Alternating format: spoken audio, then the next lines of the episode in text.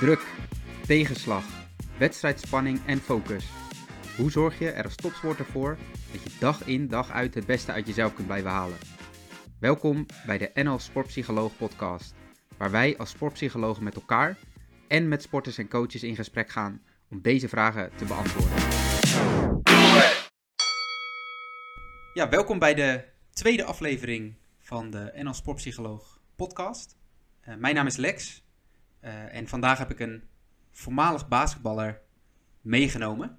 Uh, Nick Bloemhoff, a.k.a.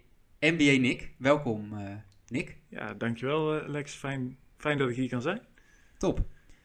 misschien voordat we beginnen wel even leuk om, om te vertellen waar we zitten. Want dat moet voor jou als, als, als voormalig basketballer wel een, een, een, leuke plek zijn.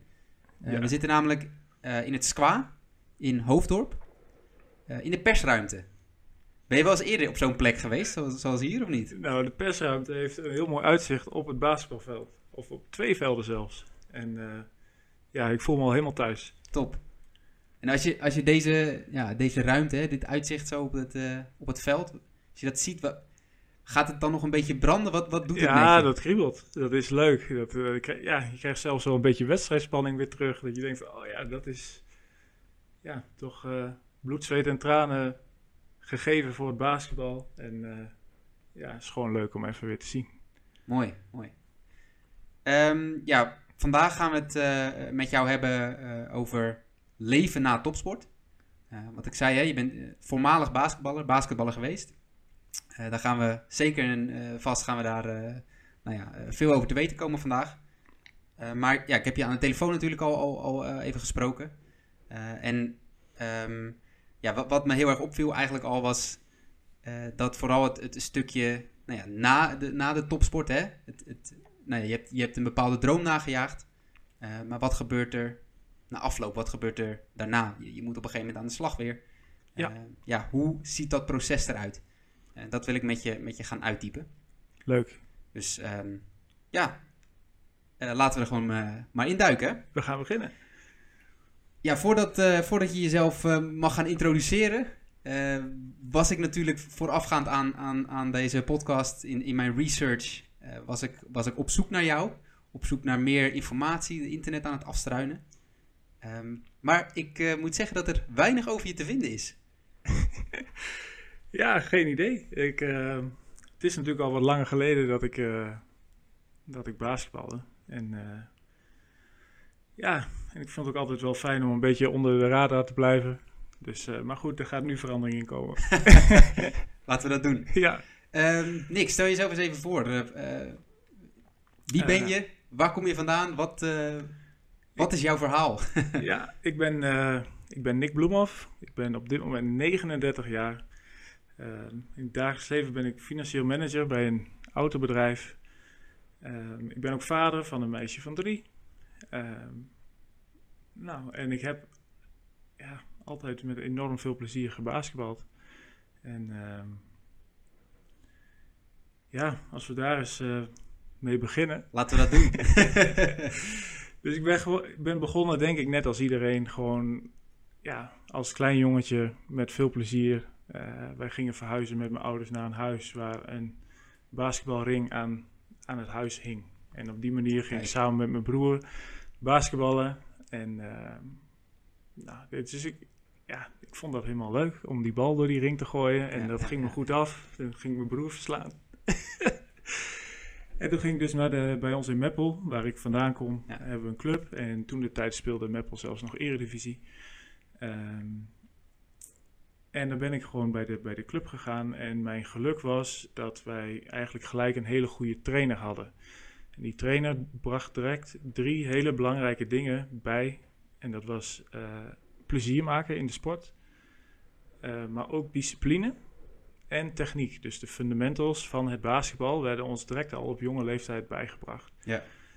Nou, en daar, vanaf die fundamentals, ja, zijn we, ja, ben ik gewoon gaan groeien. Gewoon blijven basketballen, gewoon naar mijn trainingen blijven gaan.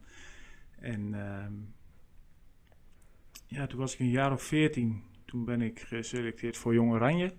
Dus voor op dat moment die leeftijd van 14-jarigen nou, zat ik bij de beste van Nederland. Dus dat was, nou ja, was wel een beetje een verrassing, maar ook wel ja, heel gaaf dat je in één keer door hebt van hé, hey, ik, ik, de mensen zien wat in mij, ik heb een bepaald talent. ik was ook al, ook al natuurlijk al heel lang toen de tijd. Even voor de, jullie zien hem niet natuurlijk, maar nee. tenminste. voor de mensen die hem niet zien, uh, hoe, hoe lang ben je precies? Ja, ik ben uiteindelijk gestopt bij 2 meter 8. Toen vond je het genoeg? Toen eh? was het genoeg, ja. Ja, ja, ja, ja precies. En uh, ja, dat was eigenlijk gewoon wel een leuke bijkomstigheid. Ik ben niet gaan basketballen om mijn lengte, maar het is wel, ja, het was wel heel praktisch. Ja. Um, nou ja, wat jaren later ben ik, ben ik junioren eredivisie gaan spelen in Zwolle. En in Zwolle heb ik ook weer een belangrijke man ontmoet voor mijn verdere basketbal. En dat was een oud prof die in Nederland was blijven hangen. En die zag mijn, nou ja, mijn talent in de zin van mijn lengte en mijn, uh, nou ja, mijn wapen was toen altijd mijn afstandsschot. Dus het schieten van drie punters. Nou, dat was eigenlijk toen nog niet zo uh, normaal als nu, dat lange mensen ook van afstand schieten. En um, nou, die man heeft mij toen een, een, een zetje gegeven om naar een trainingskamp te gaan in Amerika. En uh, nou, op dat trainingskamp, ja, al na een paar weken basketballen, uh, kreeg ik al aanbiedingen van verschillende scholen om daar uh, nou, op de universiteit te gaan basketballen. En, en hoe oud was je toen? Ik was toen 18 en toen heb ik uh, besloten om naar een school te gaan. En dan moet je nog toelatingsexamens doen en de papierwerk regelen. Dus ik was 19 toen ik vertrok ja. naar Amerika met, uh, met één grote droom in de tas. En dat was ja. eigenlijk ook vooral om profbasketballer te worden na die tijd. Oké. Dus ik zag Amerika echt als goede springplank voor nou ja, studeren mm -hmm. en uh, en basketballen tegelijk. Ja, die combinatie ja. was toen nog best wel lastig in, uh, in Nederland.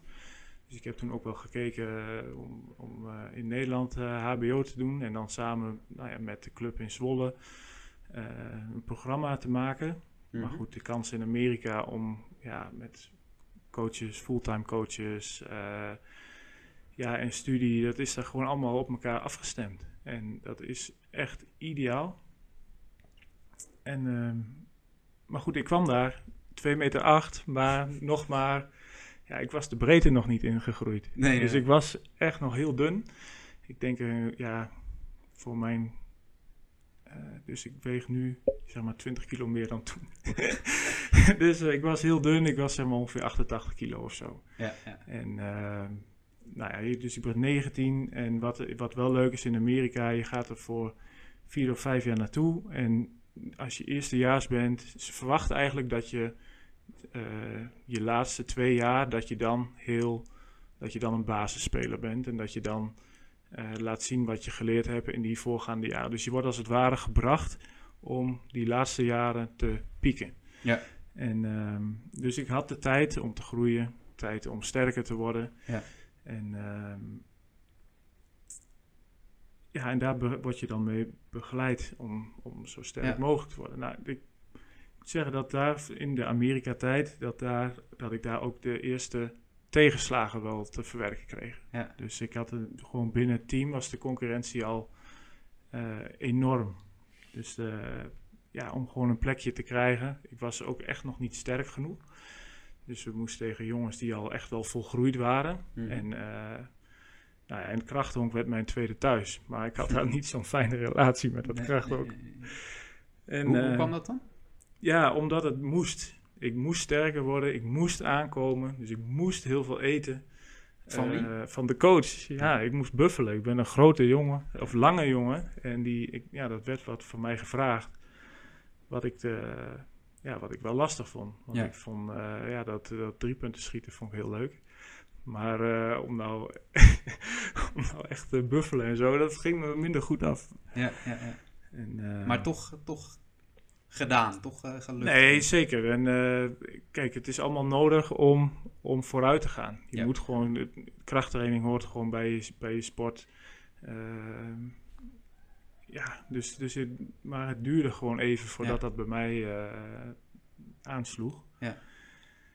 Ehm, maar ja, je moet gewoon voorstellen dat gewoon jongens in het krachtdonk die, ja, waar zij hun warming-upjes mee deden, dat was mijn, uh, dat was, dat was zeg maar mijn, mijn max.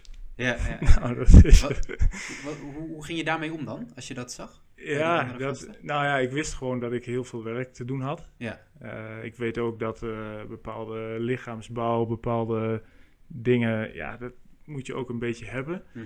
Eh, maar vanuit Nederland werd altijd wel een beetje gezegd: pas op met krachttraining, want je bent nog in de groei. Tenminste, toen de tijd. Ja. Ehm, dus wij besteden daar toen niet veel aandacht aan. En ook de manier van basketballen waarop wij dat deden, was dat ook nog niet per se nodig. Want ik was, speelde gewoon met leeftijdgenoten die allemaal ongeveer even sterk zijn. Nou, en dan kom je met jongens te spelen die zeg maar vijf, nou ja, tussen de 20 en de 25, waarvan de meeste al gewoon volwassen lichamen hebben. Mhm. Nou ja, goed, en dat is gewoon een enorm, enorm verschil. Ja. Uh, werd je daar goed in begeleid? Of? Ik werd daar redelijk goed in begeleid. Dus ik had wel, uh, ja, gewoon qua eten. Maar ik heb ook wel, de coach op een gegeven moment zei ook wel van niks, eet maar gewoon alles wat je ziet.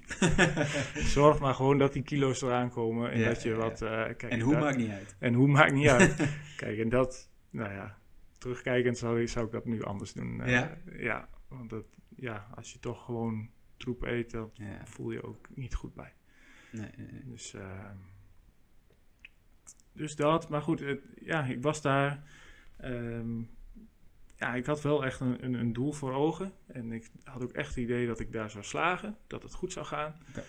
En, uh, maar toch, ja, een beetje tegenwind. Dus mijn tweede jaar brak ik mijn enkel. Hmm. En toen was ik ook gelijk uitgeschakeld voor het hele seizoen. En, uh, nou ja, en dan ga je wat vaker ook weer wat vaker bellen naar huis. En je, je zoekt wat houvast. En waar ik ook houvast van krijg was het lezen van biografieën van andere sporters, maar ook van ehm, nou ja, dingen over mentale kracht. Oké. En uh, nou ja, een van de dingen wat ik daar echt geleerd heb, is dus dat tegenslagen en moeilijke periodes niet alleen voor mij bestemd zijn, maar dat elke sporter daar doorheen gaat en op elk niveau. En of je nou Michael Jordan bent, die niet in zijn high school team was geselecteerd, of uh, Nick Bloemhoff die uh, zijn enkel heeft gebroken. Ja. Iedereen gaat door die periodes en het gaat er gewoon om wat doe je ermee en hoe zorg je ervoor dat je weer sterker, uh, dat je weer sterker wordt van ja. zulke nou ja, dingen wat je overkomt.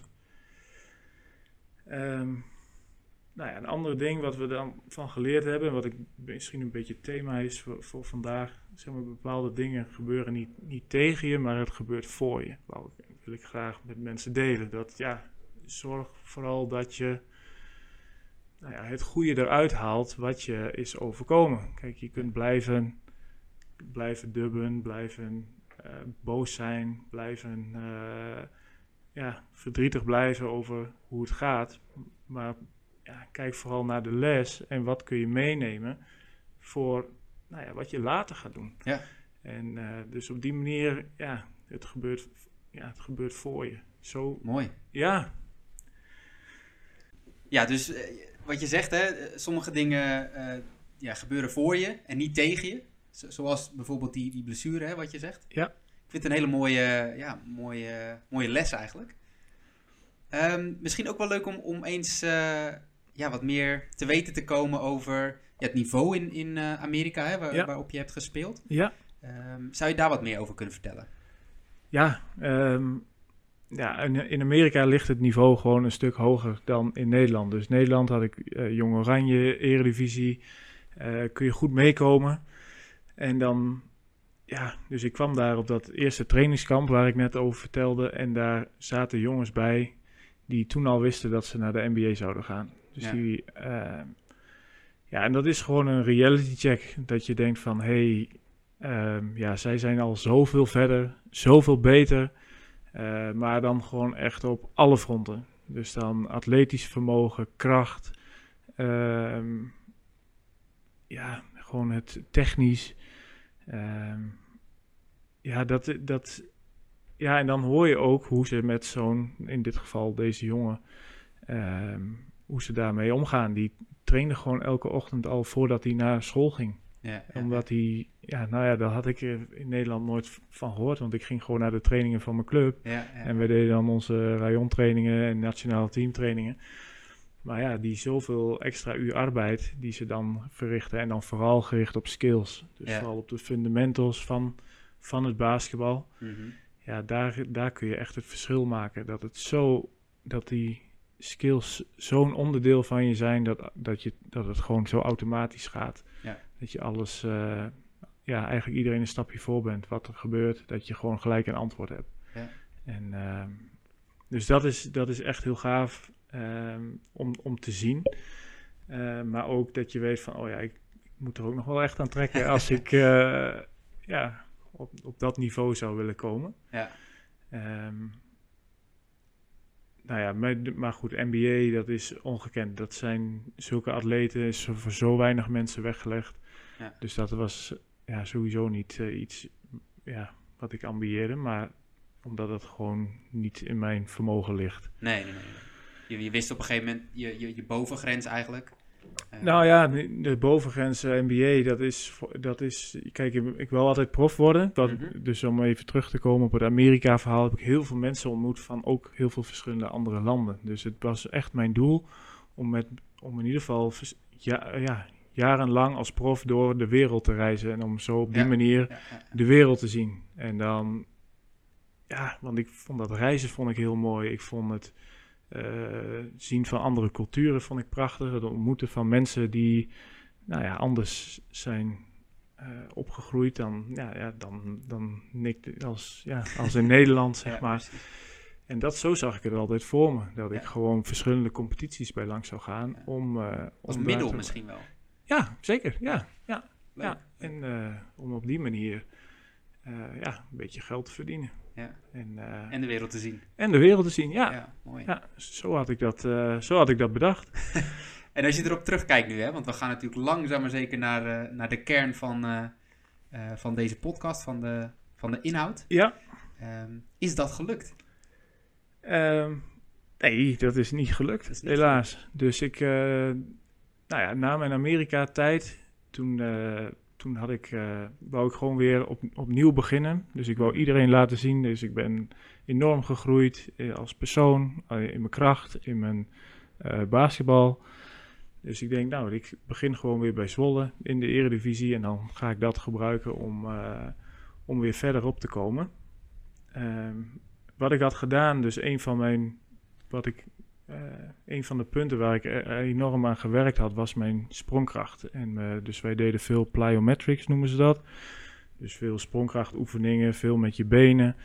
En wat ik meegenomen had, dus vanuit Amerika, was een kleine irritatie onder mijn voet. Mm. Dus dat was een, uh, ja, in het Engels zeiden ze plantar fasciitis, een soort ontsteking. En um, dus dat was, maar goed, die ontsteking die irriteerde. En toen dacht ik uh, van, ik ben heel slim. Maar was uiteindelijk mijn domste beslissing ooit. Ik ben naar de huisarts gegaan. Ik zeg, kun je me helpen? Ik heb die irritatie. En hij zegt, ja, daar heb ik, wel, uh, heb ik wel een spuitje voor. En dan gaat de pijn gaat weg. Nou, dan kun je weer verder trainen.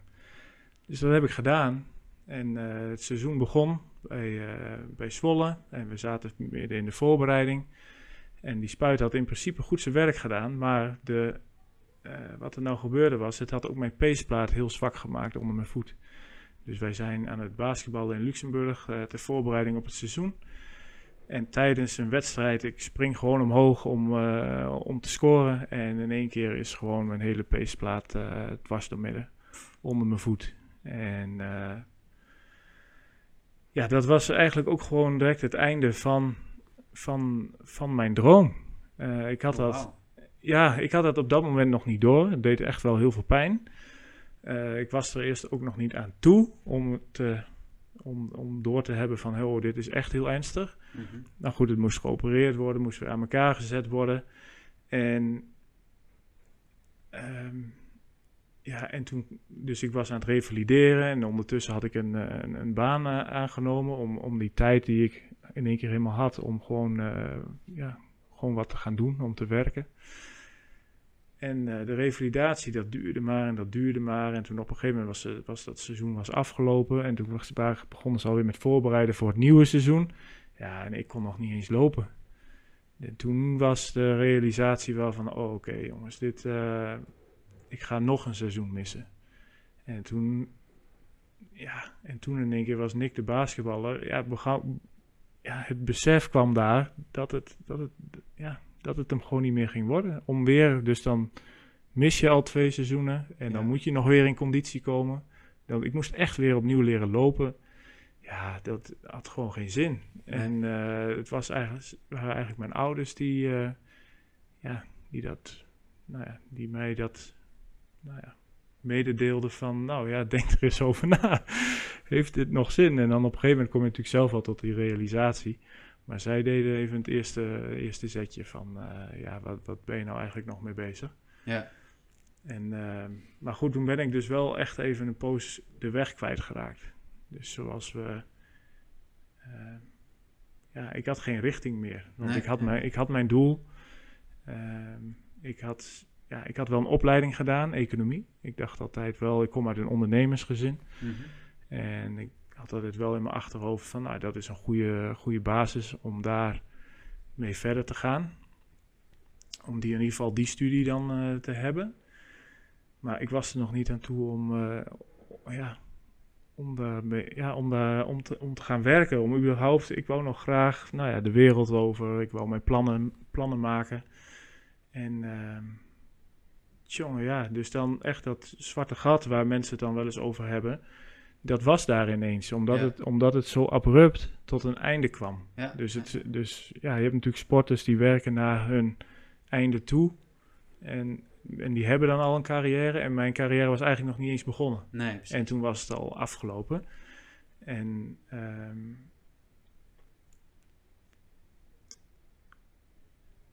ja, en om daar, zeg maar, dus ik heb daar best wel een periode echt mee geworsteld, ook mentaal. En waar ga je nou naartoe?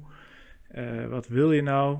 Uh, want je moet je voorstellen dat je uh, dat basketbal met zo'n team, dat is elke dag volle bak. Dat is met passie, dat is met lachen, dat is met huilen, dat is met. Ehm, volle overgave. Volle overgave, ja. ja, ja. En dan in één keer, ja, ik zat op een kantoor eenvoudig administratief werk te doen. Ja, dat is toch wel. Uh, ja, zeker. Uh, ja, dat, dat, contrast was enorm. Ja, dat kan ik me voorstellen. Ja, ik denk wat, wat ook heel interessant is uh, aan dit verhaal, en dit is ook iets wat, um, wat wij aan, aan de, nou ja, de, in de één op één coaching sessies hè, die wij hebben als, als sportpsychologen met, met, de, met de topsporter. Wat je vaak ziet, en dat is in dit verhaal natuurlijk, nou ja, het komt dat zo sterk naar voren, is dat als topsporter ben je vaak volledig basketballer, volledig voetballer. Maar op het moment dat je eventjes dat niet kunt zijn, dan rijst, komt ook de vraag omhoog van, oké, maar wie ben ik dan? Weet je wel, wie ben ik naast, die, naast Nick, de, de basketballer in dit geval? Ja. Uh, en, en dat is natuurlijk, zeker op het moment als je daar volle bak voor gegaan bent al die, al die tijd, dat is opeens weg. En, en als jij nog niet hebt geaccepteerd dat je inderdaad daar de administratie aan het doen bent, ja ja, dan, dan ligt dat, dat zwarte gat uh, wat je net uh, vertelt, ligt op de, op de loer. Ja. Um, ja, wel weer een, een indrukwekkend verhaal, uh, denk ik. Ja. Um, maar misschien om het ook weer een beetje de positieve richting ja. op, te, op te sturen. Als je terugkijkt nu hè, naar die periode van... Ja, wat heb je daar nou van geleerd? Wat heeft jou er doorheen gekregen? Nee, eerst heb je natuurlijk gewoon bewustwording nodig. Ja, van, ja. nou ja, wat is er gebeurd? Wat, ja, bewustzijn van, ja, het is niet leuk, altijd leuk om jezelf een spiegel voor te houden. Er komen ook dus minder leuke dingen naar voren. Mm -hmm. Maar goed, je moet ook realiseren dat je hebt tegenslag nodig om te groeien. Nou, ten tweede, wat, wat mij enorm had geholpen, is dat ik uh, dingen ging opschrijven waar ik dankbaar voor was. Wat ik wel heb geleerd vanuit mijn sport. En wat ik wel heb meegemaakt. En dat ik wel vijf jaar in Amerika kon zijn. En dat ja. ik wel uh, enorm, ja, mooie vriendschappen daar he, heb gekregen. Um, ja, dus die dankbaarheid. Dus, ja. dus dat moet, ja, dat, ja, dat gaat dan plaatsmaken voor die boosheid, zeg maar. Dat je gewoon ja, je perspectief moet, moet veranderen. Dus wat is er gebeurd? Maar goed, dus ja, waar ga ik heen? Waar wil ik heen? Ehm, kijk, en wat is dan ook echt belangrijk in het leven? Kijk, kijk ja, je denkt dan dat sport alles is, totdat je geen sport meer hebt. Ja, precies, precies. Ja, mooi. Ik, ik denk ook wat, wat, wat uh, een van de dingen over, als je het dan hebt over succes bijvoorbeeld. Ja. Ik ben succesvol. Ja, wat, wat is dat objectief? Is dat subjectief? Wat, wat, wat daarin ook belangrijk is, dat je dat bepaal je zelf uiteindelijk. Weet je wel? ja. Of ja. je succes bedoel. Ja, het is puur een kwestie van ja. welke, welke bril heb je op. Ja. Nee, heel gaaf. Ja. Kijk, en wat, en wat mij ook nog had geholpen is om te kijken naar uh, mijn kernwaarden. Dus wat heb ik geleerd? Dus wat voor dingen kan ik ook meenemen weer naar de uh, maatschappelijke, voor mijn maatschappelijke carrière? Waar kan ik, nou ja, door, door alles wat ik heb meegemaakt, wat, wat, kan, wat zijn dan de punten die ik mee kan nemen naar een bedrijf of naar waar ik ook maar wil werken? Ja. Dat je gewoon vanuit je eigen kracht, dat je nou ja, laat zien van, hé, hey, uh, wie ben ik? En dit ben ik en dit heb ik meegemaakt. En uh, ja, daardoor ben ik van toevoeging voor jouw bedrijf, bijvoorbeeld. En kernwaarden, uh, hoe, hoe ben je bij je eigen kernwaarden gekomen dan? Ja, je hebt, uh, je hebt een site die je daarbij kan helpen. Oké. Okay. Uh, dat, dat is via character.org.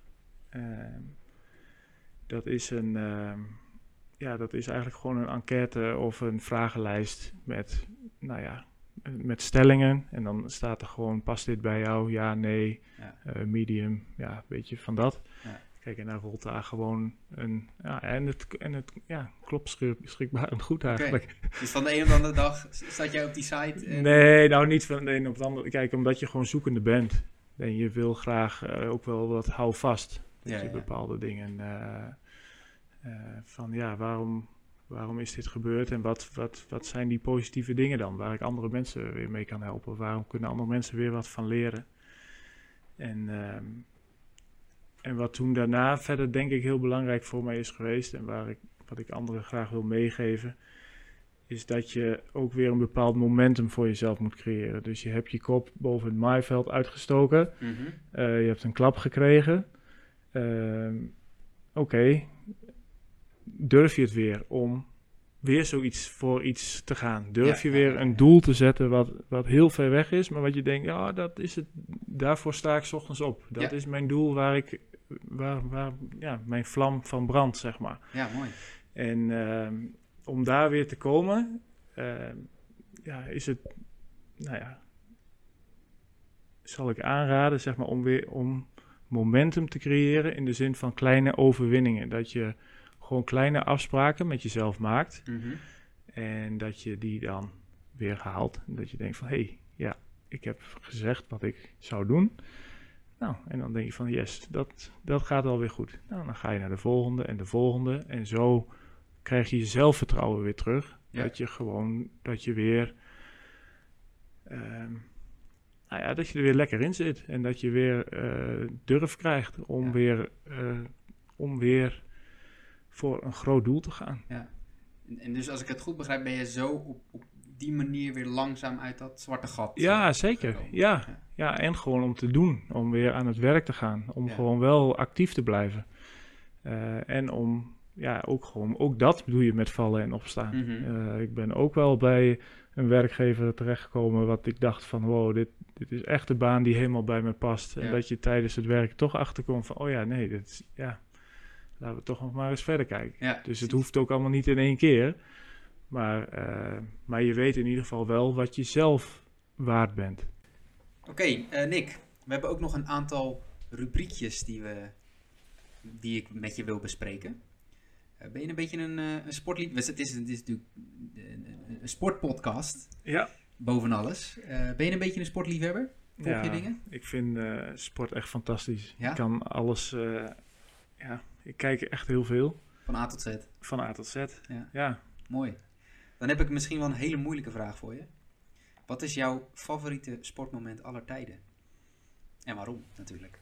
Ja, alle tijden vind ik, vond ik echt zo moeilijk. Maar ik denk wel van, nou, de laatste jaren vond ik het kampioenschap van Max Verstappen vond ik echt fantastisch. Zijn eerste. Ja. Dus hij kwam eigenlijk vanuit underdog positie. Eigenlijk heel onverwacht nog in een kans om, om het kampioenschap te pakken. Mhm. Ja, en dat dat gewoon lukte. Ja, de- toen was eh, mijn huis te klein. Ja. Toen eh, heb ik gegild en gerend en dat vond ik, eh, vond ik zo mooi. Ja, ja, ja. Ehm, ik kom ook uit een familie wat gek is op motorsport en op autosport. Dus dat zit, dat zit er bij ons helemaal in. ja leuk. En ja, dat vond ik zo mooi. En ja, nu is de sport een beetje saai geworden misschien, maar die, dat eerste kampioenschap was ongekend. Ehm, ik vond Amstel Gold van Mathieu van der Poel eh, vond ik echt heel mooi. Eigenlijk een beetje hetzelfde, ook vanuit verslagen positie. Niemand nog verwacht dat het, dat, ja, was, kon gewoon niet eigenlijk. Ja. Dus En je dat kan- het toch die, die, gebeurt. twee, die twee momenten, Die twee je momenten. kon niet kiezen. En, nou ja, nee, en als we dan over, eh, over mentale kracht hebben, dan was de wedstrijd van, eh, op Wimbledon van Novak Djokovic tegen Roger Federer Ja. eh, in 2019. Eh, ja, misschien wel de meest indrukwekkende finale ooit. Ja, Van- ja. Een sport wat zo dicht bij elkaar ligt. Twee van twee meesters die aan het werk zijn. Twee titanen. Waarbij de een, dus Roger Federer in dit geval, matchpoints krijgt. En dat Novak Djokovic, wat hij later zei, door mentale kracht vooral, die wedstrijd nog naar zich toe trekt. Ja. Ja, dat, ja, daar geniet ik enorm van. Dat vind ik zo mooi en interessant wat hij dan ook daarna over die dingen zegt. Over hoe hij dat beleefd heeft tijdens die wedstrijd. Ja, ja. Eh, ongekend. Dus dat, dus dat zijn wel drie momenten van de laatste jaren die, eh, wat, ik, wat ik echt eh, fantastisch vond. Ja, leuk. Ja, ik vraag of je, of je een sportliefhebber bent. En, en ik vraag je om één moment. Er Ja, komen drie sporten uit. uit weet je, drie, drie sporten, drie Ja. sportmomenten uit. Dus Ja. eh, ik denk dat dat het wel redelijk eh, goed samenvat. Ja. Eh, en dan nog één, één vraag die eh, nou ja, daar misschien net onder zit. Hè. Welk sportnieuws van de afgelopen tijd is er, is er echt bij jou blij- blijven hangen? ja dat, is, dat is eigenlijk ook Novak Djokovic. Ehm, die heeft onlangs een, is er een interview met hem online gekomen. Mhm. En ehm, daarin geeft hij aan hoe belangrijk het trainen is van het mentale aspect van de sport. Ja, Ehm, dat wordt vaak nog wel over het hoofd gezien, door, denk ik, door, door, door veel sporters. Maar het, ja, ik vind het eigenlijk net zo belangrijk als je techniektraining, je krachttraining, je conditietraining. Ja. Is, er, ja, is er ook mentale training nodig. Zeker. En hij geeft aan in dat interview dat hij daar dus elke dag aan werkt. Ja. En dat hij ehm, ja, dat hij dus ook een mens is die dus ook gedachten krijgt van twijfel. Ja. En dat hij ook eh, soms denkt van, oh, wat moet ik nou? Of eh, ik heb een slechte bal geslagen. Maar dat, dat hij geeft aan dat de kracht zit hem in het eh, sturen van weer, nou ja, weer terug naar... Dus hij laat het even gebeuren Mhm. en dan hup, weer terug naar wat er moet gebeuren.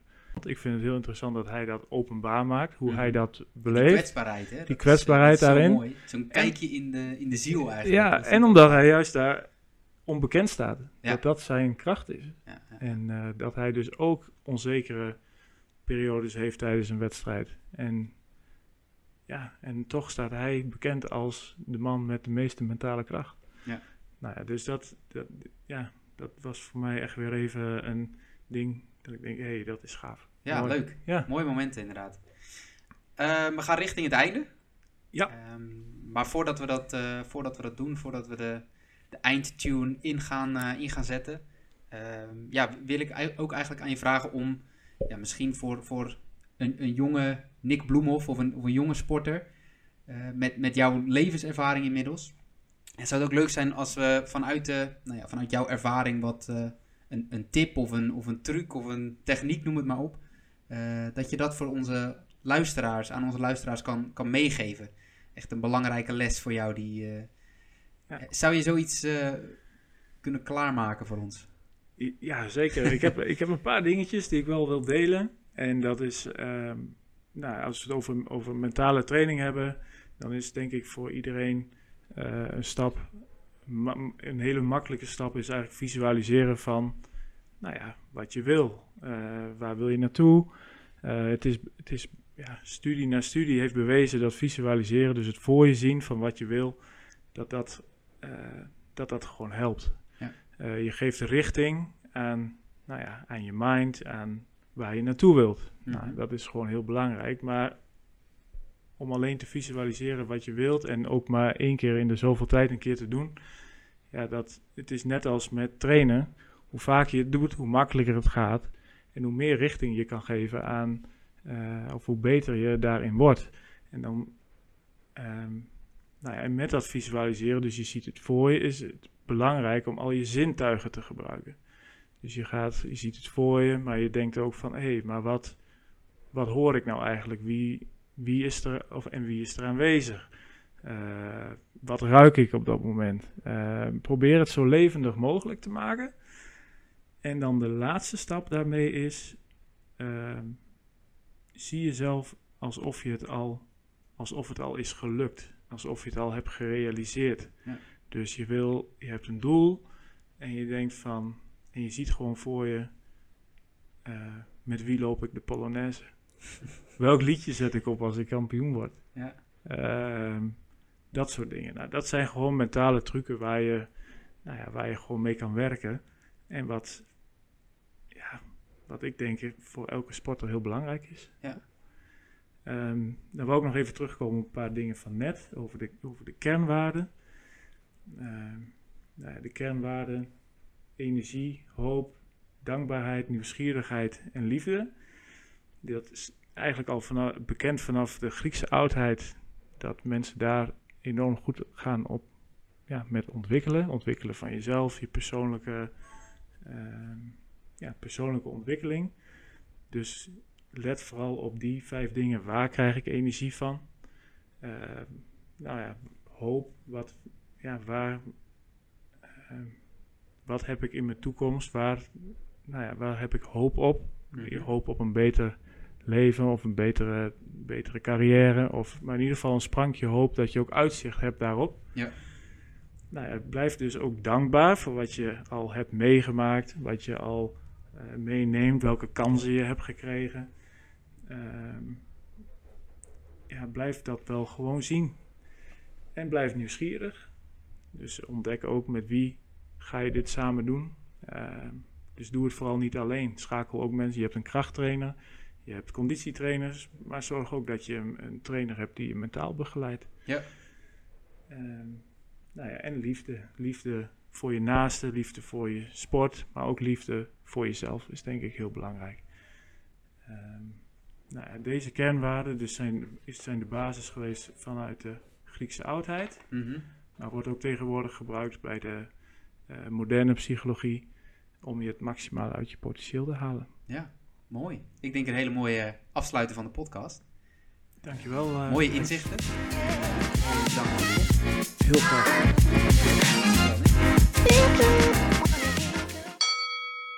Leuk dat je luisterde. Wil je nou meer informatie over NL Sportpsycholoog? Ben je benieuwd naar het boek Mindboxing? Of wil je gelijk aan de slag met de drie batterijmethode? Kijk dan in de show notes of ga direct naar www.nlsportpsycholoog.nl. Vergeet trouwens ook niet te abonneren in je favoriete podcast app als je niks wilt missen. En als je ons echt zou willen helpen, kun je dan ook een beoordeling achterlaten. Zo worden wij ook weer beter gevonden. Tot de volgende aflevering.